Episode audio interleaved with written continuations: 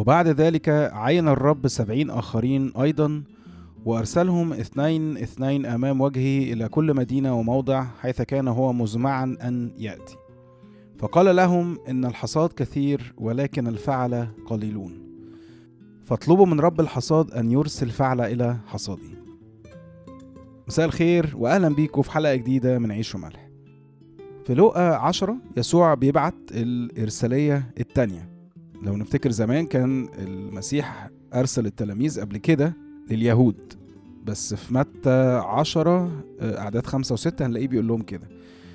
إلى طريق أمم لا تمضوا وإلى مدينة للسامرين لا تدخلوا بل اذهبوا بالحري إلى خراف بيت إسرائيل الضالة المرة دي بقى المسيح عين سبعين رسول عشان يروحوا لكل المدن وكل الأمم.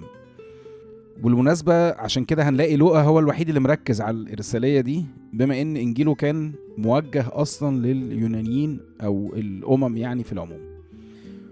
المسيح بيرسلهم بقى وبيديهم شوية وصايا كده هنلاقيها من أعداد 3 ل 11 يا ريت يعني نقراها ونركز فيها قوي خصوصا لأي حد آه على قلبه إنه يتكلم عن ربنا. حتى لو ما كانش خادم بشكل رسمي بس مهم قوي الوصايا دي تفضل قدامه يقول كده اذهبوا ها أنا أرسلكم مثل حملان بين ذئاب. لا تحملوا كيسا ولا مزودا ولا أحذية ولا تسلموا على أحد في الطريق. ما تضيعوش وقتكم يعني في اجتماعيات وحاجات كده ملهاش علاقة بالميشن بتاعتكم. وأي بيت دخلتموه فقولوا أولا سلام لهذا البيت. فإن كان هناك ابن السلام يحل سلامكم عليه وإلا فيرجع إليكم. وأقيموا في ذلك البيت آكلين وشاربين مما عندهم. لأن الفاعل مستحق أجرته. لا تنتقلوا من بيت إلى بيت. ما تقضيهاش يعني عزومات وضيافات في نفس المنطقة بدون هدف. نفس برضو الحتة بتاعت الاجتماعيات الزيادة اللي ملهاش علاقة بالمهمة الأساسية بتاعتهم. وأية مدينة دخلتموها وقابلوكم فكلوا مما يقدم لكم واشفوا المرضى الذين فيها وقولوا لهم قد اقترب منكم ملكوت الله.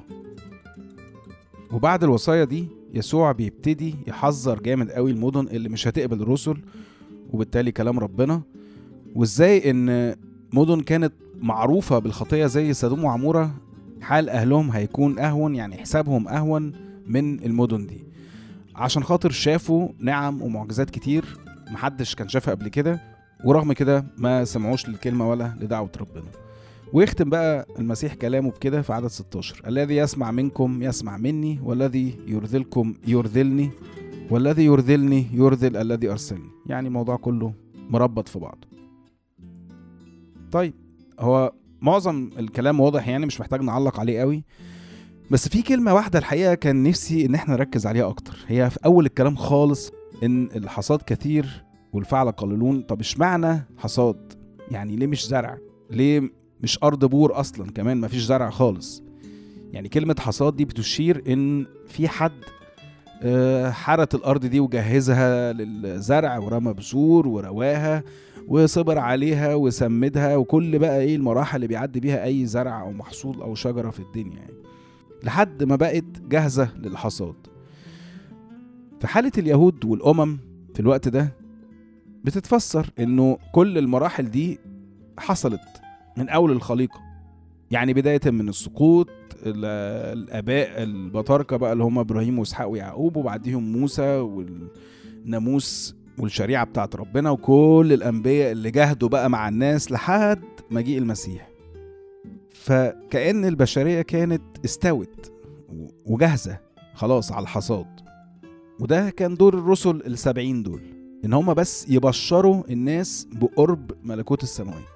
فمعنى الكلمة دي إنه ده قرب كلمة ربنا وروحه وخلاصه لكل الناس. خلاص ما بقاش بعيد عننا زي الأول بقى قريب لكل واحد فينا.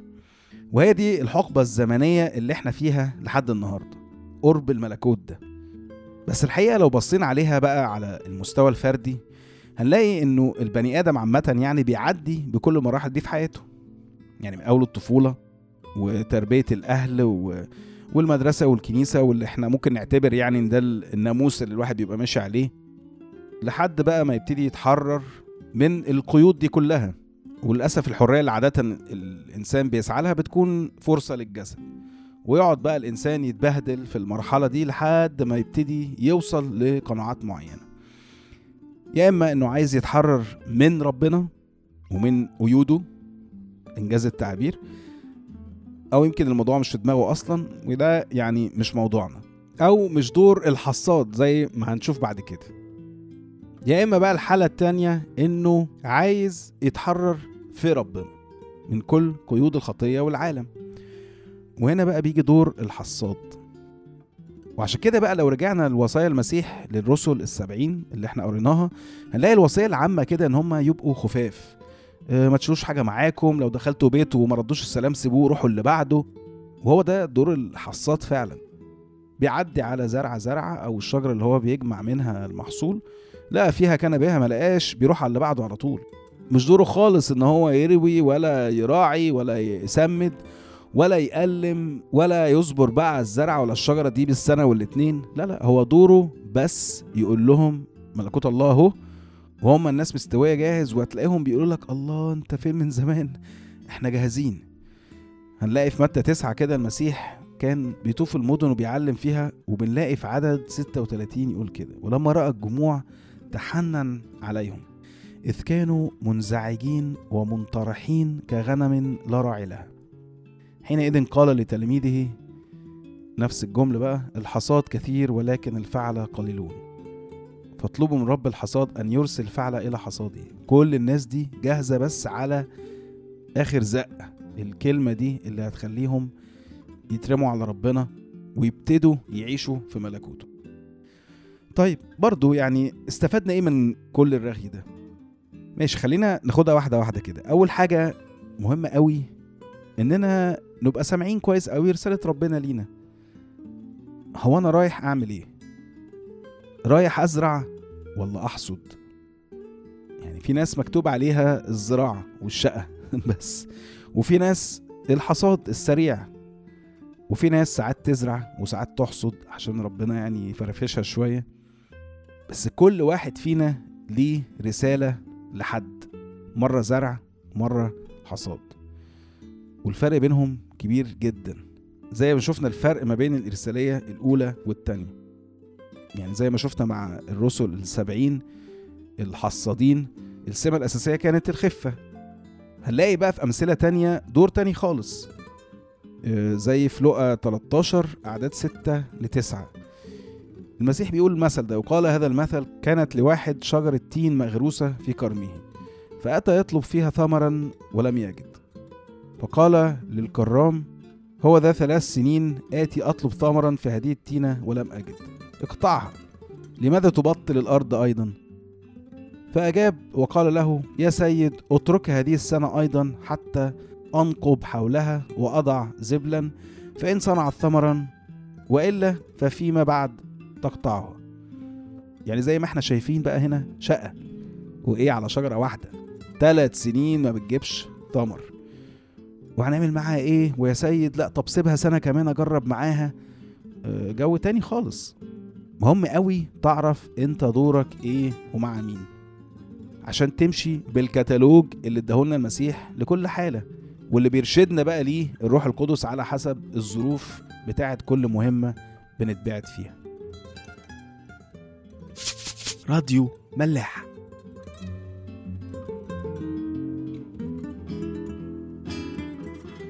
حاجة تانية في الحصاد إزاي ان هو مبهج. هنلاقي الرسل بعد ما رجعوا بقى من الإرسالية يقول لنا كده في عدد 17 فرجع السبعون بفرح قائلين يا رب حتى الشياطين تخضع لنا باسمك. انبهروا جدا الرسل من الحصاد الكتير. والفرحة دي بتتنقل ليسوع كمان هنلاقيه بيفرح معاهم قوي لدرجة إن هو في عدد 21 يقول لنا كده وفي تلك الساعة تهلل يسوع بالروح. يعني فرح يعني في السماء كلها. وقال أحمدك أيها الآب رب السماء والأرض لأنك أخفيت هذه عن الحكماء والفهماء وأعلنتها للأطفال. نعم أيها الآب لأن هكذا صارت المسر أمامك. وحتى بونس بقى كمان إزاي فرحة المسيح كانت إنه الآب أخفى الإعلانات أو السلطان ده عن الناس اللي عاملة فاهمة وأعلنها للأطفال. وده كان موضوع طبعا حلقة آخر مرة إزاي إن دخول الملكوت أصلا مشروط بإننا نرجع زي الأطفال. في البراءة أو الاستعداد الكامل دايما للتعليم وللتربية على إيدين ربنا. نرجع بقى لموضوع الفرح. يعني على قد بقى فرح الرسل ده هنلاقيه بيأكد عليهم وعلينا نقطة مهمة قوي. في يوحنا أربعة آه، بعد حواره مع السامرية بيقول للتلاميذ كده في أعداد 35 ل 38 أما تقولون أنه يكون أربعة أشهر ثم يأتي الحصاد؟ ها أنا أقول لكم ارفعوا أعينكم وانظروا الحقول إنها قد ابيضت للحصاد. والحاصد يأخذ أجرة ويجمع ثمرا للحياة الأبدية لكي يفرح الزارع والحاصد معا. لأنه في هذا يصدق القول إن واحد يزرع وآخر يحصد. أنا أرسلتكم لتحصدوا ما لم تتعبوا فيه. آخرون تعبوا وأنتم قد دخلتم على تعابهم اوعى تنبسط بالحصاد زيادة عن اللزوم.